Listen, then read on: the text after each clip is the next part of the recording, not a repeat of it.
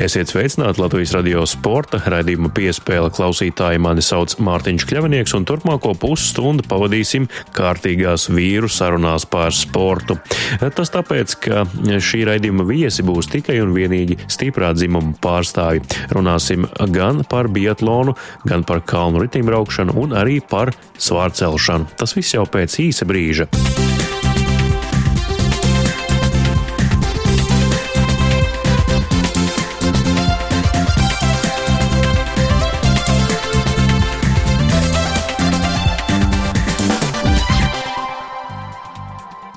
Viens no lielākajiem kalnu riteņbraukšanas seriāliem Latvijā SEB MTB čempionāts sāksies jau pavisam drīz. Tajā piedalīsies arī nesen savu olimpisko sapni piepildījušais biatlonists Oskars Mužnieks.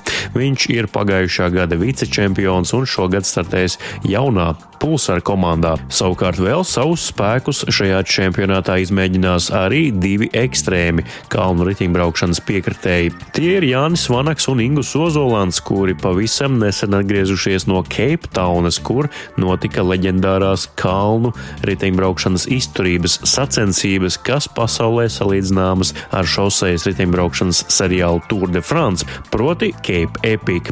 Raidījuma turpinājumā saruna ar Oskaru Mužnieku, bet pēc tam sarunāsimies arī ar Cape Epic pievarētājiem Jāni Vanagu un Ingu Ozolantu. Oskars Mužnieks sarunā ar Latvijas radio sporta raidījumu piespēli. Klau, Oskar, cik neapmierināti klienti ir sastājušies rindā pie tevis, kamēr tu biji Olimpiskajās spēlēs? Tagad jau kā mēnesis atpakaļ darbā.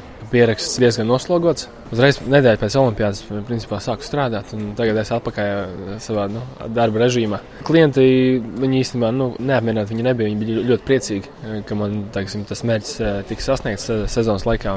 Tagad uh, ar prieku atgriežas pie manis uh, uz nodarbībām. Tas ir vairāk tāds reāls darbs, vai jāatbild uz jautājumiem, kā bija, kā bija Dienvidkorejā, kā, kā tu sasniedz to visu. Sākumā pienākums izstāstīt, dalīties iespējos par Olimpiskajām spēlēm. Tas ir katrs, teiksim, kur es satieku pēc tā ilgā pārtraukuma man uzdot šo jautājumu, bet es, tas tikai normāli. Šobrīd jau ir bijusi jau tās sajūtas, emocijas ir no, nokritušās pēc, tā, pēc Olimpiskajām spēlēm. Nu, man vienmēr ir prieks izstāstīt savu stāstu un teiksim, dalīties pieredzē. Vai tavā dzīvē biatlons ir beidzies vai tas paliks?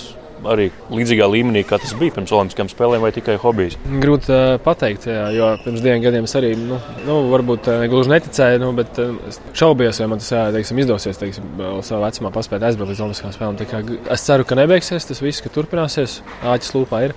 Ceru, ka vēl nākošajai četrgadēji man pietiks enerģijas un spēka teiksim, izturēt. Kvalificēties arī nākošajā. Tu esi pagājušās sezonas BMTB maratona vicečempions. Jau teica, ka gribi šogad iegūt zeltu. Tas ir tas galvenais mērķis. Te jau arī daži jokoja, ka laikam tāda laba treniņa nometne tev tajā Dienvidkorejā seb sezonai. Jā, tā varētu teikt. Neskatoties to, ka katru nedēļu bija kādas trīs sacensības sezonas laikā, tas jau druskuļi arī to bateriju arī ir eh, nosēdinājis. Tagad ir laiks druskuļi atpūsties. Varbūt nav ļoti liels ambīcijas pirmajiem posmiem, bet es domāju, ka uz vasaru domāju, ka būs labākā forma atkal un cīnīšos par pirmo vietu. Noteikti teikt. Ja tu par biatlonu teici, ka tev nu, ir āķis lūpā, tagad atkal kaut ko darīt. Kā, kā tas ritenis iemeta tev āķi lūpā? Kā tas notika? Nu, pēc Olimpiskajām spēlēm patiesībā negribējās darīt neko. Bija arī diezgan smagi apslims. Pagāja laiks, kamēr izārstējos, un, un teiksim, nebija tāda liela motivācija kāpt atkal uz velo. Vienā dienā Ivo Irbanu uzrunāja, mans labs draugs Sens, un piedāvāja nākt uz komandu, teiksim, pārstāvēt Bijis jauns projekts, pulsāra komanda un, un ļoti spēcīgi braucēji. Tas man pavilka atkal. Zinu, kā jauns kaut kāds pārmaiņas, uzreiz bija šī kaut kāda motivācija atradu. Līdz es sāku trenēties nopietnāk. Kā tu trenējies? Nu, tagad pēdējās divas nedēļas es atkal sēdies uz velo, atkal garās stundas uz velo un, un, un cenšos brīvajos brīžos vākt kilometrus. Šeit pat skarbajās Latvijas apstākļos. Šobrīd ir ļoti labi, palicis siltāks. Es domāju, ka visas iespējas pāris nedēļām vēl savākt pietiekoši daudz kilometrus, lai varētu uzsākt to sezonu. Nu, ja mēs jau aizlicam atpakaļ pie Bietlāna, gan jau tu lasīji, ko Ilmārs Brīsīs ierakstīja Facebookā. Es pieņemu, ka lasīji Kāda tev komentāra tam visam bija? Tā nebija. Nu, grūti pateikt, man ar Ilmāru ļoti, arī sezonas laikā ļoti labas attiecības. Tā, tas man bija šim pārsteidz. Ja. Es pieļauju, ka es nezinu, vai tas bija nācis kaut kādām emocijām vai kā viņam. Nesapratu līdz galam to, bet es viņu nesu arī saticis. Es noteikti viņam uzdošu šo jautājumu, ja, kāpēc tev to vajag kā, apspriest publiskajā telpā. Tā jā, bija nebija, kā viņš tur rakstīja par Vitāliju Urbanoviču. To jā, tur ir cits stāsts. Tur mums vajadzētu parunāt ilgāk. Bet, kā lai pasakā, es viņam nepiekrītu, ko viņš teica. Viņš to redz savādāk, es to redzu savādāk. Es nezinu, kurā brīdī viņam ir tas aizvainojums nācis. Ja? Jo man ar Vitāliju eh, attiecības sezonas laikā beigās viss bija teiksim, kārtībā, vairāk vai mazāk. Tad, jā, jā, es nesaprotu, kāpēc viņš to piesauca vispār. Nu, tāpēc es ar viņu to izrunāšu. Es negribu neko teikt. Eh, sezona tagad ir beigusies, un, un, un gan jau, kad eh, runāšana vēl būs. Man liekas, saprot, ka arī Andrejs nāca jums pretī Olimpiskajās spēlēs, jo savu komandu atvēlēja pārējiem olimpiešiem, kas bija Pjončanā. Jā, teiksim, kas bija ļoti labi latviešiem. Norvēģi smērētāji Andrejā komandā ir ļoti profesionāli. Tas noteikti palīdzēja arī. Nebija tā, ka mums ļoti paveicās ar slīdumiem Olimpiskajās spēlēs. Tas jau ir cits stāsts, jo tur bija saudabīgi apstākļi. Bet es, es, es pats personīgi biju ļoti apmierināts ar, to Andrejā komandas darbu, kas bija mums. Varbūt beigās šis tavs sasniegums, ka tu tomēr spēji ielikt no vairs ne biatlonistu režīma un tikt uz Olimpiskajām spēlēm. Ko tas parāda? Mēs ar kolēģiem spriedām, nu, kā Latvijas biatlona sistēmas nabadzību tas parāda. Vēl kaut ko? Teiksim, man ne, nevar ļoti sasaistīt ar federāciju un biatlonu Latvijā, jo es esmu pats par sevi. Bet jā, tas, īstenībā, tas jau īstenībā nav tikai šogad. Jā. Tas ir jau, es nezinu, man liekas, divus olimpiskos ciklus. Es arī skatos, nākotnē tur arī nu, nekas pagaidām labi neizskatās. Un, tas ir patiesībā ļoti žēl. Teiksim. Es nezinu, vai ir vainīga pie tā federācija, bet man liekas, tas, ka vienkārši nav jaunieši, kas trenējās Bietlānā, ja pasliktinās ziemas un to sporta veidu būs īstenībā ļoti grūti noturēt. Es domāju, Andrēs vēl kādu ciklu izturēs un, un varbūt vēl kāds sportists, bet es domāju, pēc kādiem desmit gadiem mēs varēsim skatīties tikai uz ārzemnieku, ārzemju sportistiem. Pie vainas es grūti pateikt. Sistēma kopumā, nabadzība Latvijā, jo tas sporta veids arī ir dārgs.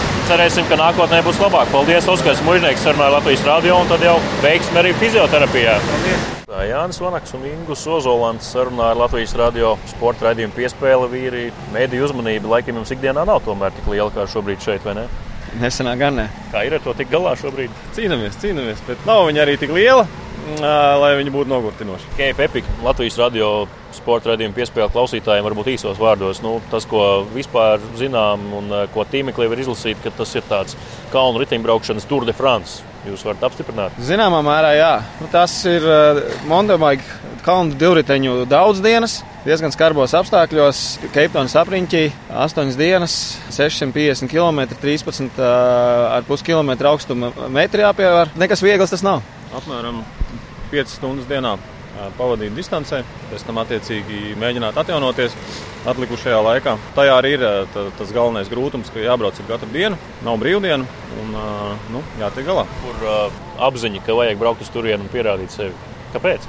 Pirmkārt, mēs mīlam braukt ar riteni. Otra lieta Tas ir izaicinājums pārbaudīt savu iespēju robežas, gan fiziski, gan garīgi. Jo ne tikai fiziskais grūtums šāda veida sacensībās ir noteicošais. Bieži vien nākas pastrādāt arī ar savu. Arī prāts ir jālieto kā instruments, to visu saliekot kopā un veiksmīgi realizējot. Viennozīmīgi pēcgarša ir ļoti laba. Es pat teiktu, nu, viņi ir izcili. Nonākšanu, kā tur vispār var nonākt, varbūt pastāstīt īsumā, nu, kā divi latvieši var tikt uz turieni. Ne jau tikai, ja ir daudz naudas, tur tas viss tik vienkārši nav? Nu, nauda šajā gadījumā turpat nepalīdz, jo, jo pieteikšanās tātad ir trīs posmos. UCI komandas, tās ir profesionāli komandas, saņem uzaicinājums, tad ir ātrā pieteikšanās simts pāriem, kuri tiek izpirkti mm, burtiski vienā, divās minūtēs, un tad ir loterija. Mēs abi pieteicāmies uz loteriju, samaksājām 10 eiro un gaidījām rezultātu. Pagājušā gada 1. maijā, ja nemaldos, Ingūna loza bija pilna. Nu, mums bija iespēja samaksāt bārgu dalības maksu un sākt gatavoties un startēt statistika oficiālā gan laikam nav nekur atrodama, bet apmēram katrs desmitais izlozes dalībnieks tiek pie iespējas startēt. Kopā sacensībās dalībnieku skaits ir limitēts. Tas ir 650 pāri, jeb 1300 dalībnieki. Sacensība notiek tikai pa pāriem, komanda no diviem cilvēkiem. Jums 116. vieta, ja? kopējā. Jā, kop, kopējā ieskaitē 116. vieta. Labi, mēreni, vidēji slikti. Kā jūs vērtējat? Redzot to to līmeni, kāds tajās sacensībās ir un to spēku samērus, jo tur tomēr sabrauc nu, no visas pasaules visi stiprākie vīri, kas mīl kalnu riteņbraukšanu. Mūsuprāt, rezultāts ir atbilstošs un mēs esam ar to mierā. Kā jūs nokļūstat, tas arī viss ir pašu spēkiem, pašiem biļetes jāpērk, jātransportē velosipēdi. Jā, jā kā, kā normāli ceļotāji, kā normāli turisti, principā pirkām lidmašīnu, vedām riteņus. Uz vietas arī bija iespēja nopirkt velo servisu, masāžu servisus, vēl visādas papildus lietas, bet mēs tikai izmantojam masāžu servisu, jo nu, tas nu, priekš atjaunošanās bija kritiski. Svarīgi ar riteņiem paši tikām galā, ar sadzīvi paši tikām galā. Lielas paldies vietējiem latviešiem, kas mūs uzņēma. Lieliski izguldīja, izmitināja, palīdzēja, jo mums pazuda arī čemodāns. Ierodoties tur, nācās sameklēt jaun, jaunas mantas, lai vispār varētu nobraukt. Latvieši laikam ir visur pasaulē. Protams, jā. jā. Un milzīgs liels paldies īstenībā vietējiem latviešiem par šo superenerģiju, ko viņi deva trases malā. Gan pirmajā posmā, gan Keiptonā, gan pēdējā posmā. Bet es domāju, jāsaka liels paldies ir ģimenēm, kas paciet to pusgadu, kad mēs praktiski mājās nebijām. Tad pēdējo laikā mēs bijām stipri nervozi. Pirms gatavošanās, pirms braukšanas prom, un uh, milzīgs paldies arī treneriem par dalīšanos ar pieredzi vienam otram īstenībā par paciešanu. Kas ir tas uh, rezultāts, tas sausais atlikums, ieguvums, ko jūs katrs ieguvāt no šī piedzīvojuma? Viennozīmīgi ļoti, ļoti, ļoti pozitīvas izjūtas, pacelta pašapziņa, ka mēs to tikām galā. Viennozīmīgi pieredze, šādu sacensību pieredze, kas ir ļoti būtiska, jo šādas sacensības mēs taisamies turpināt un piedalīties arī turpmāk. Tāds ir mūsu mērķis, un šī pieredze ir neatsverama, jo ļoti daudz nianses, kurai katrai ir būtiska nozīme. Nu, es teikšu, ka nu, sausais atlikums ir emocijas kurus ar naudu nevar nopirkt. Viennozīmīgi. Tas ir, tas ir kaut kas tāds, ko var tikai izjust, pārbraucot finiša līniju pāri. Tas bija tiešām tas bija burvīgi. Saprotu, ka būs mēģinājums vēlreiz tikt uz turieni. Ja? Nē, nav mūsu plānos braukt divreiz uz vienu un to pašu vietu. Brauksim noteikti kaut kur citur, jo pasaulē ir ļoti daudz skaistu vietu un ļoti daudz braukšanas vērtu sacensību, daudz dienu, kuras mēs noteikti gribam apmeklēt novēlam izdošanos arī tajās. Tad jau gan jau intervēsim vēlreiz jūs pēc tam, kad atgriezīsieties mājās. Paldies! Paldies! Paldies. Maratonā, kad tu skrieni distances laikā, ja kāds tev vēl uzmundrina un nosauc vēl tavu vārdu, tu to dzirdi. Pirmā uzvara bija tad, kad es biju pionieru nometnē. Tas bija 66. gadā, es vinnēju bumbiņu mešanu. Viktors Šķerbātiks ir viens no retajiem profesionālajiem sportistiem, kuriem izdevies pārkvalificēties par pietiekami panākumiem bagātu treneri. Viktors savas profesionālās karjeras laikā aizsniedza daudzus augstumus, taču beigu beigās tomēr neaizsniegts palika olimpiskais zelts. Tagad viņš šo te sapni mēģinās piepildīt kopā ar savu bijušo treneri Eduardu Andruškeviču, strādājot tandēmā un trenējot gan Rebeku Kohu, gan arī Ritvaru Suharevu un arī Vadimu Koževņikovu, tāpat arī Arturu Plēsnieku. Viktors karjeras laikā reizi pieķerts arī aizliegto vielu lietošanā, kas laikā, kad viņš startēja, nebija tik ļoti zināma izplatīta problēma. Savukārt tagad Viktors sarunā ar Latvijas radio sporta radījumu piespēli pastāstīs gan par to, kādu nākotni redz Rebekai Kohai, vai un kad svarcelšanā izzudīs aizliegto vielu lietošana, un arī par to, vai Latvijā svarcelšanas vidē iestājies miers. Jau tūlīt saruna ar Viktoru Šķerbātihu. Sporta raidījums piespēle turpinās, un uh, šodien pie Latvijas radio sporta raidījuma piespēle galda spēcīgs vīrs, uh, jo būs arī acīm redzot spēcīga saruna. Uh, tas ir svārcēlājs bijušais, bet tagad svārcelšanas treneris Viktors Šķerbātiks. Sveiki, Viktor! Sveiki! Jā. Prieks redzēt jūs Latvijas radio, un pēdējo reizi, kad tikāmies, tas bija lidostā pietiekam vēlā stundā, kad atlidojāt no mm, Eiropas čempionāta Bukarestē ar Rebekas Kohas zelta medaļu vai emocijas treneris trenerim tagad arī ir norimušas pēc kāda brīža? Es jau vispār tāds ļoti ir tiem emocijām ļoti tāds turīgs tāds. Es nekad nerādīju viņus, nu, nezinu, kāpēc, bet, nu, kaut kā nerādīju. Jau iegāja asini. Jā, ļoti labi, protams, esmu priecīgs, protams, paldies arī Bekai, arī Ritvaram, tāpēc, ka tie ir arī ne tikai mani sportisti, bet arī mana trenera sportisti. Jā, nu par, par emocijām gan jau arī šīs sarunas gaitā parunāsim, bet kā Artūram Plēsniekam, starp citu, ar veselību, ar atlapšanu, rehabilitāciju? Viss kārtībā, jau labāk ir, un tas mikrotraumiņa, kas viņu atmeta atpakaļ, un viņš mēnesi netrenēsies normāli, tagad viņam ļoti daudz jātrenējās pēc mēneša, un mums tagad ir jauna sistēma svarcelšanā. Ja tu nestartē četrus startus obligāti, tu nesavāc punktus un tu nestartēsi olimpiādā. Mums ir tagad par reitingu iet. Tas ir gada griezumā vai tas ir četri gadi? Nē, divi gadi griezumā, divi, divi gadi, divi, jā, Eiropa un pasaulē. Nu, varbūt izdomās vēl kaut kādus divus startus Arābi te visi, ja, viņam, ja viņu paņems pie sevis sacensības kaut kādā pasaulē, tad e, izrēlieši nevarēs tur startēt. Tas nozīmē, ka cilvēki no Izraēla nevarēs aizbraukt uz, uz sacensībām, uz olimpiādu. Viņam pietrūks viens starts. Tāpat arī Spānijā ar Kosovu. Tāda paša notika situācija. Tikai ļoti daudz atkarīgs no sacensību geogrāfiskās izvēles. Jā, jā, un tāpēc četri starti jābūt obligāti, bet sāka domāt, ka varbūt vajadzēs sešus startus darīt. Mums no vienas puses, mums kā ot, tiešām maziņam valstī, kā Latvija, Tas nozīmē, ka mēs cerējam tikai uz Rībieku Kohu, tāpēc, ka viņa ir viena. Vīrieši mums ir divi sportisti, tad tagad parādījās trīs. Mēs zinājām, ka tikai Arturs Plesnieks brauks. Tad šodien mēs zinām, ka mums vēl iespējams vēl divi sportisti. Tas ir Rītvars Uharovs un Vadim Kaževņikovs. Tas, tas nozīmē finansējums reiz trīs, jā, lai aizgādātu viņus tur. Jā, jā, jā, un tas nozīmē, ka ir iespējams bakatoties uz Olimpiādu. Agrāk tikai viens, tagad no, mums, mums tas ir ļoti izdevīgi. Bet lielajām valstīm tas nav vispār izdevīgi. Tiešām nav izdevīgi, tāpēc, ka jā, tagad apstiprinās, bet mēs tā saprotam, ka apstiprinās to visu situāciju. Tas nozīmē, ka no katra valstī apmēram kaut kur četri cilvēki var aizbraukt. Bet tas vēl nav lielas problēmas. Vēl problēmas ir tādas, ka no katrā valstī viens sports vienā svarā kategorijā. Ja mēs runājam par to konkurenci, tas jau arī daļai skar to, kas uh, šobrīd notiek svarcelšanā. Redzējām Eiropas čempionātu, kāda bija konkurence, tas, ka šīs daudzās valstis dopinga pārkāpumu dēļ nestartē. Kā tas ir ietekmējis šo svarcelšanas vidi pēdējos gados? Nu, ietekmē, protams, ļoti slikti, bet visi mēģina, jā, visi mēģina apmānīt to dopu kontroli. Nu, jā, visi kaut ko izgudro, kaut ko gudro, gudro, gudro. Nu, jā, uztaisīs ļoti bargu sodu, ticiet man. Neviens vairs neēdis nekurā sporta veidā. Mums ir pirmais strāvs, ir 15,000 eiro, ja noķer sportistu. Otrais tur arī tur kaut kur tas pats trešais ir 50 tūkstoši, ceturtais, piektais tur 100, 200 tūkstoši. Nu, jau, bet saprotiet, Diez, diezgan uh, ilgi var pārkāpt noteikumus. Jā, jā, jā. Ja mēs varam uztaisīt bišķiņ bargāk to sodu, tā es saprotu, ja viens cilvēks trāpēs komandā, viens cilvēks trāpēs, tad tiešām netīšām. Netīšām vai vaina vai kaut kas nezināja, nu, mēs varam sarunāt, un tiešām tas 50 tūkstoši, tas ir. Jā. Ja divi cilvēki trapījās, nu, vajag iedomāties, vajag jau domāt, bet nu, tas arī nu, tā, nu, tur arī var uztaisīt sodu ne ļoti lielu. Bet, ja trīs cilvēki trāpīs, tas nozīmē, ka konkrēti cilvēki gatavo un lieto aizliegtus preparātus. Un, ja no trešā cilvēka līgs miljonu, neviens neēdīs. O, ticiet man, neviens.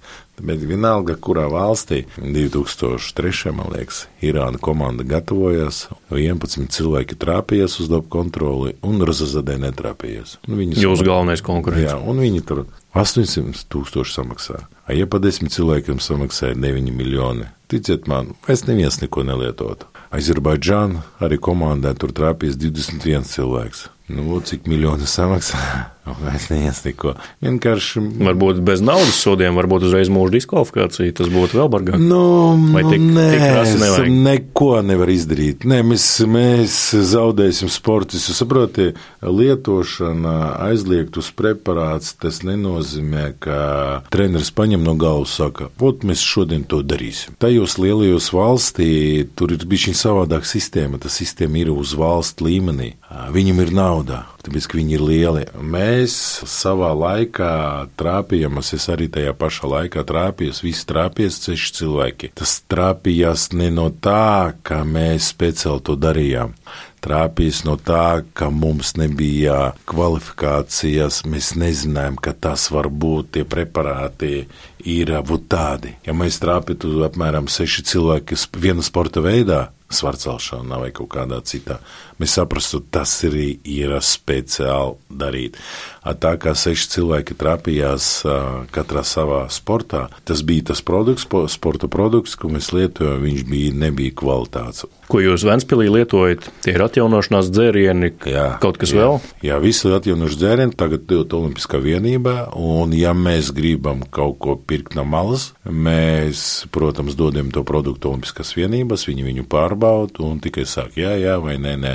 Bet visi, visi, visi produkti, kas ir lietots, viņi ir lietots tikai Eiropas produkti. Viņam sava kvalitāte, viņam ir savi noteikumi. Svārcelšanā var no malas, nu jūs ar savu trenēto acu pateikt viņš noteikti lieto kaut ko aizliegtu. Zini, kā mēs varam daudz kādu cilvēku apvienot, nu tā pateikt, vot viņš tur, tur nav noķerts. Nav vainīgs. Pierādījis, jā, protams. Bet arī nav noķerts ne tāpēc, ka viņš kaut ko gudri dara. Tāpēc, ka dobu kontrols viņš ir viņa, es kā es saku, viņa ir kā sava valsts. Viņi domā, ar šito diskvalificēsim, ar šito nē, ar šito jā, ar šito. Viņam ir ļoti švaka viņa sistēma. Ja apmēram tā viedo likums iedodu sodu, vai viņi paņem to spriedumu, vai kāds pasaka, nu, tu esi godīgs, jā. Pēc, pēc desmit gadiem A tu zini, vai vēl paskatīsim, varbūt viņš nav godīgs. O, taču viņš nav godīgs. Kāpēc? Nu, mēs tā padomājam. Nu, tas nav godīgi. Tagad svarcelšanā mums arī tāpat pēc pirms olimpiādas tāpat arī notika. Paskatījies, kas notika astoņi gadus atpakaļ un pateica, ka vot, viņi tur visi lietoja. Bet astoņus gadus atpakaļ bija tādi preparāti, ko tajos gados Tad drīkstēja lietot. Drīkst, jā. Tad jau mēs varam atņemt visus 70, 80 gadu medaļas. Jā, jā, un es arī tāpēc mm. saku, man arī Razazadē tāda paša 2004. gadā. Viņš atbrauca pēc savas komandas diskvalifikācijas uz olimpiādi, knapi dzīves, bet arī to knapi dzīves viņš knapi man arī vinēja. Nu, tas ir sports, un es viņu nesaku, ka viņš ir kaut ko lietots, tajā laikā bija tas. Un ja mēs taisīsim visu tas prāmas, nu, es visur būtu, visu mūžu būtu trīnieka. Kaut kur pirmais, kaut kur trīnieka, bet visi, visas, visas startus es būtu pie medaļām. Bet es nesaku, ka sportisti ir vainīgi. Vainīgi dobu kontrols, kāpēc viņš ir vājš. Skatīties, kas tagad, kas notika pagātnē, nu, priekš kā. Viktors Čerbatiks, eh, svarcelšanas treneris, atgādina pie mums Latvijas radio pirmā kanāla sporta raidījumā piespēle. Tā saka, ka vecāki savus nepiepildītos sapņus mēģina izpildīt caur bērniem. Jums vienīgais tituls, kas tā uzskatām pietrūkst, ir olimpiskā zelta medaļa. Vai Rebeka ir tas jūsu pēdiņās bērns, caur kuru jūs labprāt iegūtu olimpisko zelta medaļu? Nu, jā, zelts tas ir, um, jā, tas ir tas mērķis, ar ko mēs ar treneru divu tā gājām gājām 16 gadi, un tiešām viņš bija gandrīz rokā. Bet es ļoti daudz runāju, ka to kļūdu izdarīja treneris. Tiešām viņš to izdarīja treneris. Bet uh, es visu laiku teicu, ka viņš priekš manim tik daudz izdarīja šitajā dzīvēm ka, ja man pateiktu, būs zelts, bet būs citas attiecības ar treneru, es teiktu, nē, man nevajag zelta. Tāpēc es saku, tāpēc, jā, viņš izdarīja kļūdu, galvenais, ka viņš izdarīja vienīgu kļūdu.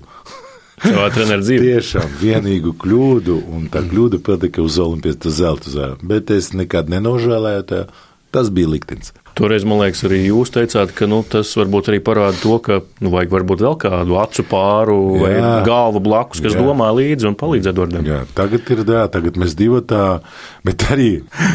arī ar to ir par maz. Arī, arī tas par maz, kad mēs notika mums tā situācija Olimpiskās spēlēs, kas Ribeka mums nogrieza vienu gājienu viņai tas, no tā situācija. Mēs esam divi cilvēki. Jā, mēs visu kontrolējam, visu atkal sēdēja tiesnesis profesionāls un divi mācekļi uz olimpiādas. Viņi visu dara sekundes laikā. Tur stop, jā, kodu, visu. Tur uzreiz tur sēž viens profesionāls un divi mācekļi. Vienam māceklim kaut kur 60 gadi, otram 50, sēž divi mācekļi tādi. Mēs uzrakstījām gājienu, viņš viņam iedod, un viņi tur skatās, ko mums te vajag darīt. A, mums iet pa sekundēm. Un kad viņi saprata, ko vajag darīt, pārsniedza to laiciņu, ka mēs mm. nevaram uzspiest stopu un viss. Un mēģināja sākam bļaut uz to tiesnešu, kāpēc tā, nu, ot, nogriez. Un arī ir arī, mēs divi profiņi, un ir, ir tāpat tiesnešu kļūdas. Ja mēs parunāsim par to jautājumu, ka gribās, lai sportisti izdarītu, ko es ne, nevarēju izdarīt. Tu zini, ko? Gribās paturēt to zelta medaļu. Tu zini, ka tajā zelta medaļā Jā, tas nav tavs, varbūt konkrēti rezultāts. Tu to nepacēli, bet tu tajā medaļā ieliki spēku. Neko nesaku, varbūt arī izdosies ar sportistu stāvēt pa vidu pedestāla. Man tā dzīve neizdevās ar treneru. Varbūt ir iespējams arī bieku stāvēt. Mēs divi tā stāvēsim. Jā, būs ļoti priecīgs. Tiešām neizdevās man, neizdevās trenerim, bet varbūt izdosies mums, trenerim, to visu izdarīt. Varbūt mēs to izdarīsim arī Turu Suharevu. Kas viņš arī progresē, viņš arī var, viņš arī klausās. Varbūt ar viņu to visu izdarīsim. Grūti pateikt. Bet eh, kādas ir tās organizācijas? Organizatoriskās attiecības šobrīd, nu, pirms četriem, pieciem gadiem bija tas uh, publiskais konflikts, kur Aivars Ritanieks nāca ar saviem uh, skaidrojumiem, Ventspils puse bija pret viņu, cīņa par varu, vai tas viss tagad ir noklusis, ir kaut kāda opozīcija pozīcija, vai visi strādā vienot mērķu labad? Mums paveicies, ka mums ir tāds treneris. Viņš tiešām, viņš saka, Viktors, ja mēs gribam kaut kur sasniegt, mums vajag izdarīt rezultātu. Mēs savā laikā vienkārši darījām rezultātu. Es sāku bišķiņi iet jau nos no sporta, mums parādījās plēsnieks, pēc tam parādījās koha, un mums visu laiku bija iespēja kaut ko parādīt, ka mēs varam. Tajā federācijā viņi nedomāja par rezultātu, viņi domāja, ka labāk ielikt vairāk sev naudas. Un kad mums Olimpiskā komiteja dalīja finansējumu, viņi mums arī palīdzēja, tiešām paldies. Mēs savu finansējumu liekam sportistos, a viņi savu finansējumu lieka kabatā. Ka viņam vairs nebija neviena sportistā, a mums bija pieci, kas braukāja visu laiku uz pasauli, veda medaļas, veda un bija rezultāti. Tāpēc, ka mēs savu, savu naudu, ko mums deva, Mēs ielikām visu sportistā. Un uz beigām ritinieks, es nezinu, kas tagad ar viņu darās. Man neinteresē, vienu to atgādināju. Es atceros, ka tāds cilvēks ir. Es nedomāju, neinteresējos. Nu, un uz beigām mm, ritinieks, nezinu, kas ar viņu notika. Viņš atsakās vispār kaut ko darīt. Un mēs uh, gājām visu laiku uz augšu. Un kad mēs uh, nostartējām olimpiādā, mums uz attīstīšanu iedeva normālu naudu. Un kaut kur gadu mēs runājam, tiešām nevaram tāpat vēl atrast mieru ar tiem visiem trendiem, tāpēc, ka es ar viņiem ļoti ilgi nerunāju. Tagad, jā, mēs atradām mieru, palīdzam, visi kopā strādājam un attīstām svarcošanu. Nu, prieks dzirdēt, ka kašķu laiks ir beidzies Latvijas svarcošanas vidē un visi strādā kopīgi mērķa vārdā. Par to jauno paudzi, no Rebeka Ritvars pie jums sāk trenēties jau krietni agrā jaunībā, bērnībā.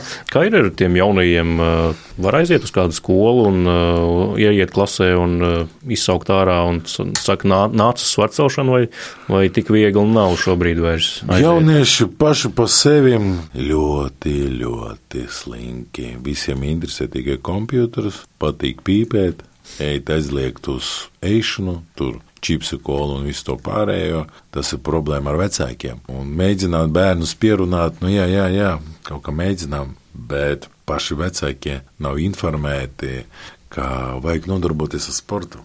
Ja mēs tikai sēžam un domājam, ka mums bērns jābūt gudrs, kur tad mums tā tā veselība? Mūsdienu realitāte, kā saka. Tā ir, jā, jā.